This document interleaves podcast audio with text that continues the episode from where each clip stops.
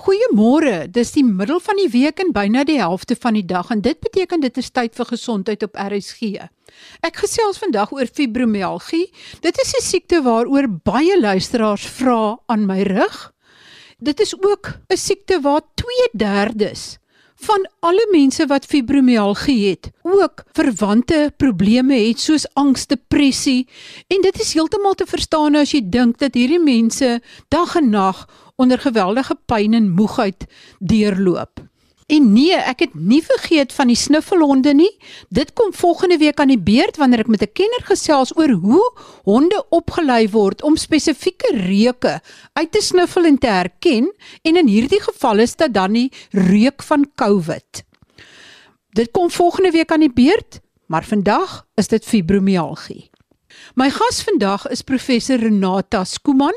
Sy is 'n psigiater verbonde aan SASOP, die Suid-Afrikaanse Vereniging vir Psigiaters, en sy is ook betrokke by die bestuurskool van die Universiteit van Stellenbosch. Dus ons fokus vandag op fibromialgie en hoe pasiënte met hierdie probleem gehelp kan word. Professor Skuman, ons gesels vandag oor fibromialgie. Maar fibromialgie is dan eintlik 'n artritis tipe siekte wat is die onderliggende mediese probleem van fibromialgie?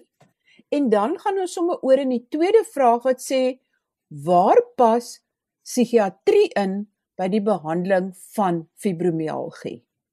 Marie, fibromialgie is 'n baie misunderstood condition. Ek het nou nie mooi Afrikaans daarvoor nie.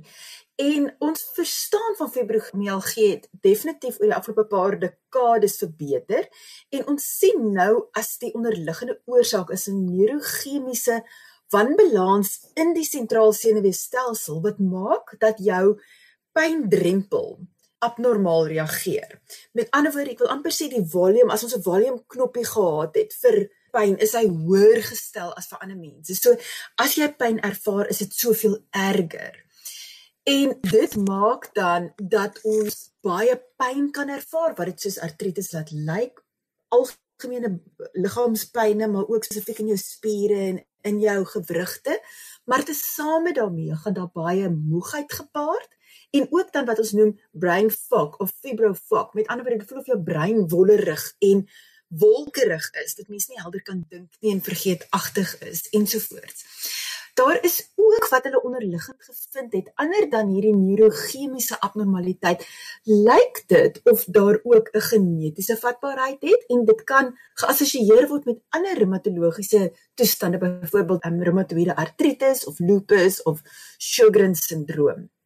So as mens dan kyk na die behandeling dan klink dit vir my of mens nie net bloot die mediese simptome kan behandel nie, maar dat jy beslis ook moet kyk na die kontrolering van pyn en die persoon se gemoedstoestand. Absoluut, want ons weet ook die fibromialgie simptome kan gesneller word of erger gemaak word deur of fisiese trauma, infeksies, maar ook groot lewensstresore en sielkundige stresore en dis waar die gemoedstoestand so inkom. En natuurlik as mens dan in 'n emosionele nie 'n goeie plek is nie, vererger dit die fisiese simptome. Daar is 'n baie hoë komorbiditeit met tot 60% omtrent van pasiënte met fibromialgie wat ook depressie of angs het. En verder die oorvleeling van simptome. So daar's self 'n beweging wat baie keer voel dat fibromialgie self 'n somatiese tipe depressie is. Met ander woorde dat depressie in die fisiese simptome te voorskyn kom. So as ons kyk na die behandeling en ons kyk spesifiek na riglyne van die European League Against Rheumatism of EULAR, sê spesifiek dat mens nie net kyk na medikasie nie, maar jy kyk na fisiese oefening, ander terapieë soos mindfulness based terapie, akupunktuur selfs, maar veral ook kognitiewe gedragsterapie en psigoterapie wat gesien word as een van die mees effektiewste toestande in die behandeling van fibromialgie. Natuurlik is daar ook medikasie aangedui, nie net vir die pyn nie, maar ook die swak slaap wat mense mee kan sukkel en dan die komorbiede toestande soos depressie en angs. En dit is baie belangrik dat ons in span saamwerk of wat ons noem multimodale hantering of rehabilitasie wat ons baie keer ook dan saam met 'n fisioterapeut of 'n biokinetikus werk. Dit is baie insiggewend met mens sien baie keer net 'n siekte as eenvlakkig en nie met verskillende dimensies nie. En nou is fibromialgie 'n uitstekende voorbeeld daarvan. Ja, absoluut en ek dink die gevaar is ook as pasiënte net op die simptome fokus. So ek gebruik meer en meer pynpille om my pyn te verminder of ek gebruik opkikkers om my energie te verbeter, maar ons spreek nie die onderliggende toestande aan of die komorbiede toestande aan wat die simptome erger maak nie. Hoe groot is hierdie probleem en word mans of vroue meer geaffekteer? En watter persentasie van mense of hoeveelheid van mense het hierdie probleem van fibromialgie? Hoe algemeen is dit? So internasionale studies wys so 2 tot 5% van die populasie en in Suid-Afrika min of meer 3% wat sukkel met fibromialgie en vrouens word definitief meer geaffekteer as mans, 6 tot 9 keer meer as mans, wat nogal 'n beduidende verskil is. Is daar enige genetiese of ander rede daarvoor dat vroue meer geaffekteer word? Dit lyk nie of dit 'n genetiese rede noodwendig is nie, maar ons weet ook dat vrouens en mans baie keer hulle stres verskillend hanteer en vrouens is ook meer geneig om hulp te soek. Mans sal baie keer miskien eerder alkohol gebruik om pyn te hanteer of minder geneig wees wat ons deesdae ook in praktyk sien is dat baie mense cannabis of cannabinoïde gebruik vir die pyn en daar is ook definitief um gender differences daar. Maar as ons kyk na genetika per se lyk dit nie of daar spesifiek 'n rede is vir die verskil tussen mans en vrouens nie, maar laat dit eerder is hoe hulle presenteer en hoe geneig hulle is om hulp te soek. Jy het nou genoem van cannabis, is dit spesifiek die CBD olie en het dit 'n positiewe effek op die behandeling dat dit deel van die behandelingsregime kan wees? Dit is nog so 'n bietjie kontensieus, Marie. Daar's nie duidelike studies om dit aan te dui dat dit wel is nie. So ons het min toestande waarvoor die cannabisolie of die CBD olie spesifiek geregistreer is. Fibromialgie is nie een van die registrasies of indikasies op hierdie stadium nie. Daar's nie genoeg studies nie, maar daar is wel pasiënte wat sê hulle kry verligting. Wat ons sien in praktyk is meer dat pasiënte dit gebruik om die slaap te hanteer. Maar weer, ek ek wil nie my te veel daaroor uitspreek nie. Dis nie iets wat op hierdie stadium deur ons riglyne ondersteun word nie. Nou wil ek trekkie teruggee in my in die skoene sit van iemand met fibromialgie. Ek het nou tipiese tekens, ek het kroniese pyn, erge pyn, ek is moeg, ek besef iets is verkeerd met my. Ek gaan na die dokter toe. Wat sit hom op die spoor om fibromialgie te diagnoseer en nie sommer net 'n pynstiller voor te skryf en te sê gaan huis toe, jou spiere sal weer gesond word en rus net 'n bietjie nie. Wat is daai waarskuwingstekens wat vir die dokter sal sê, "Oeps, dit is dalk fibromialgie." Ja, daar is 'n spesifieke tipe ondersoeke wat ons doen. As ons die pasiënt spesifiek ondersoek, ons kyk na trigger points en pynpunte en daar is 'n skaal om te sê as jy meer as 'n sekere aantal positief toets, dan is dit verdag van fibromialgie. Ongelukkig kom ons baie keer by 'n uh, algemene praktisyn en dis 'n kort afspraak en hulle hoor net jy's moeg en jy het pyn en gee dalk net iets en sê jy moet rus of jy's burned out of wat ook al. Ek dink dit is belangrik dat mens wel mooi verduidelik dat dit nie net die fisiese moegheid en pyn is nie, maar dat daar ook die kognitiewe simptome is. Ek sukkel om te konsentreer en ook dat dit nie op rus noodwendig beter raak nie. En dan is dit belangrik dat mens maar sekere bloedondersoeke moet doen om seker te maak daar is nie 'n um, gewone artritis nie en dat daar nie skildklierprobleme is of ystertekort of Vitamiene D gebrek of so nie. So dan moet 'n volledige fisiese opwerk gedoen word. Baie keer is die paadjie van daar af dan of na die reumatoloog of na die psigiater. En baie keer beide. Dit is vir ons nogal belangrik dat die reumatoloog en die psigiater eintlik moet saamwerk want die reumatoloog hanteer die pyn baie goed gewoonlik. Partykeer doen die psigiaters dit ook, maar vir ons ook as psigiaters om spesifiek te kyk na die komorbiede toestande, die depressie, die angs en dan ook die konsentrasie en goed wat daarmee gepaard kan gaan. Ja, want soos jy al vroeër genoem het, meer as 60%, met ander woorde byna 2/3 van mense met fibromialgie het uh gemoedsteurnis, het slaapprobleme en het die geneigtheid tot depressie en dit is byna onmoontlik om sonder dit te gaan, maar julle begin nou te behandel, in watter persentasie van mense met fibromialgie kan die behandeling 'n groot verbetering bied? Marie, ons sien in praktyk regtig 'n ongelooflike verbetering veral as jy die regte medikasie gebruik. En nou uit 'n psigiatriese oogpunt kyk ons veral na die SSRI's of selektiewe serotonien reuptake inhibitors, maar ook veral die SNRI's, serotonien noradrenerge reuptake inhibitors, want dit spreek beide die pyn in. Dit help met die pynregulasie op um, spinaalkoord vlak en brein vlak, maar dit verbeter ook die gemoed. Met ander woorde, my ervaring van die pyn is minder onaangenaam. So die pyn is minder en is ook minder onaangenaam wat dan definitief die pasiënt se funksionering verbeter. So wat is die belangrikste goed as ek nou 'n pasiënt is met fibromialgie, ek word behandel, ek sien my psigiater, ek sien my reumatoloog, is daar spesifieke goed wat ek moet vermy? Ons sê maar om my stres minder te maak, is daar iets wat ek kan doen in my eie lewe?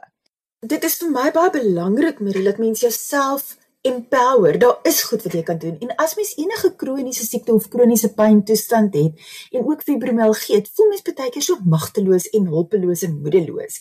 En en jy begin moet verloor dan en dit is dan belangrik om te weet maar daar is dinge wat ek vir myself kan doen om ook beter te voel. Een daarvan is fisiese oefening en mens moet dit nie oordoen nie, maar matige oefening, gereelde stap of swem help definitief selfs pilates. Daar's beduidende verbetering in funksionering, maar dit gee ook vir mense 'n positiewe boodskap aan jouself van ek kan nog dinge doen. Die verkeerdste ding om te doen is om net te rus, maar jy moet nou ook nie 'n maraton gaan probeer hardloop nie. Die ander ding wat definitief help is soos wat ek genoem het, goed soos yoga, meer mindfulness based tipe terapie, daar selfs evidence vir akupunktuur en hidroterapie wat veral ook met slaap en pyn help en dan ook om vir terapie te gaan, psigoterapie, vir al kognitiewe gedragsterapie om my te help om anders te dink oor my ervaring van die pyn en my gemoed. En dan is dit maar belangrik altyd om ander substansies te vermy en ook nie om in die spiraal van pynpille te verval nie. Want ongelukkig as mens begin pynpille drink, baie pynpille het ander neeweffekte, kan jou lomerig maak, kan jou kop meer wollerig maak of selfs jou fisiese organe nadelige gevolge voor hê. Ek sit nou my gesprek voort met professor Renate Skooman, psigiater, lid van SASOP en verbonde aan die bestuurskool van die Universiteit van Stellenbosch. En ons fokus verder op fibromialgie, maar ons gaan ook kyk na ander siektes waar daar 'n groot verband is tussen jou geestestoestand en die siekte. Byvoorbeeld soos hartprobleme. En dan gaan ons ook vinnig kyk na die uitwerking van hierdie gevangenskap van bejaardes in ouetehuise ek kry heelwat navrae oor pasiënte wat wil hê mense moet gesels oor fibromialgie en baie van hulle sukkel al jare lank om alles onder beheer te kry. Ek verneem dit vat baie keer baie lank vir 'n dokter om 'n diagnose te maak en dan is die pasiënte jare lank eintlik in hierdie verskriklike ongemak en kan hulle nie uit hierdie spiraal ontsnap nie. Ek sou eintlik pasiënte wat sukkel met fibromialgie of reeds daarmee gediagnoseer is, aanmoedig om 'n psigiater te gaan sien. Net om te kyk wat gaan aan met die medikasie wat voorgeskryf is, is daar interaksies, is daar dalk neeweffekte van die medikasie wat my nog slegter laat voel? Want baie keer sal pasiënte dan ook voorskrifte vir spierverslappers en benzodiazepine en goed kry by die algemene praktisyns byvoorbeeld en dit kan jou nog meer moeg en pap laat voel. So ek dink dit is baie belangrik om 'n opinie by 'n psigiatër te kry oor die medikasie wat jy gebruik, oor potensiële neeweffekte en interaksies, maar dan ook om nie net te dink dis net die fibromialgie nie. Soos ons genoem het, fibromialgie het 'n hoë komorbiditeit. So die kans is daar dat mens dalk ook bedruk is en nie eers begin besef maar hier is dalk 'n brein ding wat ek ook behandeling voor kan kry wat my fisiese simptome sal laat beter voel nie. So ek dink dit is baie belangrik om seker te maak dat dan nie wel ook 'n onderliggende depressie of 'n komplikasie van die fibromialgie van die jarelange se suffering is wat dan depressie is wat ons wel kan behandel nie. Ja, want baie van die pasiënte raak baie moedeloos omdat hulle nie uit hierdie spiraal kan ontsnap nie. Absoluut en wat ek sien in praktyk ook as ek met die pasiënte met fibromialgie werk is die verligting wat hulle het om te weet maar hierdie is 'n fisiese toestand. Dis nie all in my mind nie. Want baie dokters kan baie keer vir die pasiënt dalk laat voel, maar weet jy, it's just in your mind. We don't get anything on a test. So just put yourself together. Jy weet, en dis die laaste boodskap wat die pasiënt met fibromialgie nodig het. Fibromialgie is 'n werklike toestand, maar dit is ook 'n psigosomatiese toestand. Met ander woorde, daar's 'n baie baie sterk link met wat ons in psigiatries en in ons emosionele lewe aangaan wat ons simptome kan vererger of soos wat ons nou meer as een keer al genoem het hoe die fisiese simptome ons gemoed kan beïnvloed. Professor Skuman, is die psigiatriese of die psigiese toestande bloot 'n komplikasie of 'n gevolg van die onderliggende siekte of is dit deel van die siekte? Marie, daar's eintlik 3 maniere hoe die twee toestande dan interaksies het. Een erge emosionele stresore of fisiese stresore of depressie of angs kan die fibromialgie sneller. Dis die een ding. Die tweede ding is die psigiatriese simptome is baie keer deel van die fibromialgie. Met ander woorde, die slaapstering, die gemoedssimptome, die die konsentrasieprobleme, die fibrofog is alsook deel van fibromialgie.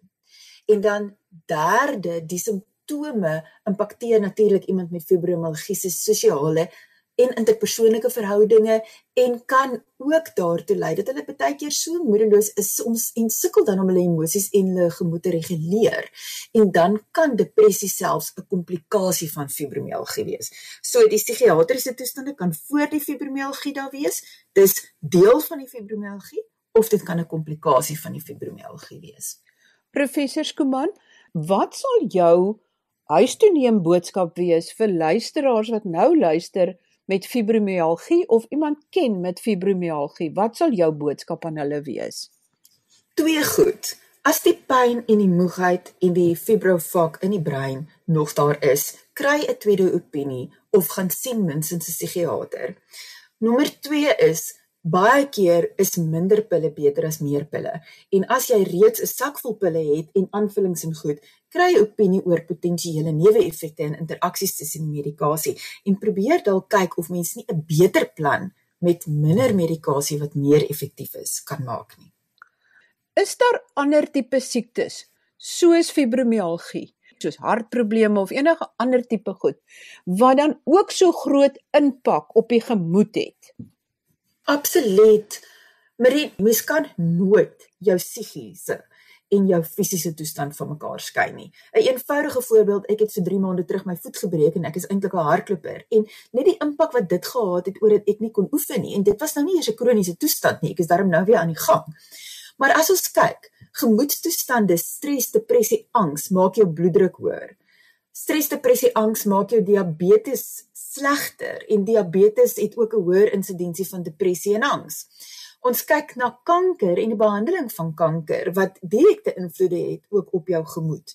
Outoimmuuntoestande wat vererger word deur psigiatriese toestande en stres.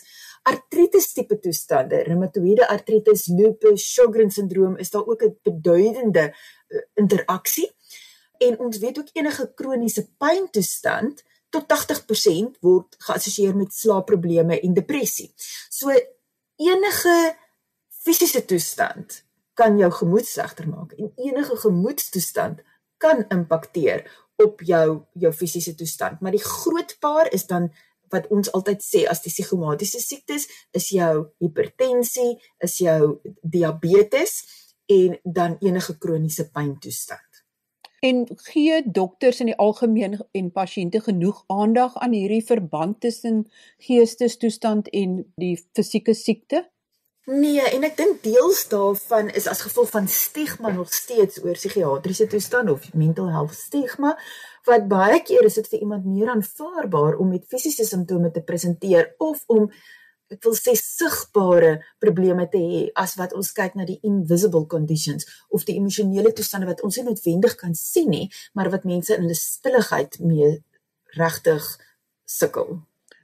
Dan professor Skooman, omdat ek die geleentheid het om met 'n psigiater te praat, wil ek nou 'n heeltemal ander vraag vra en dit is hierdie lang inperking het 'n groot effek op ouete huise en die inwoners van ouete huise wat letterlik al maande lank nie besoek kan ontvang nie of eintlik in 'n tipe tronk is.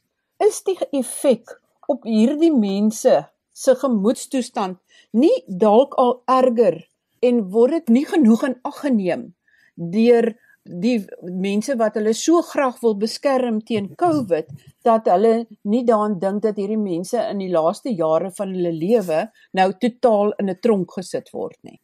Marie, my hart bloei.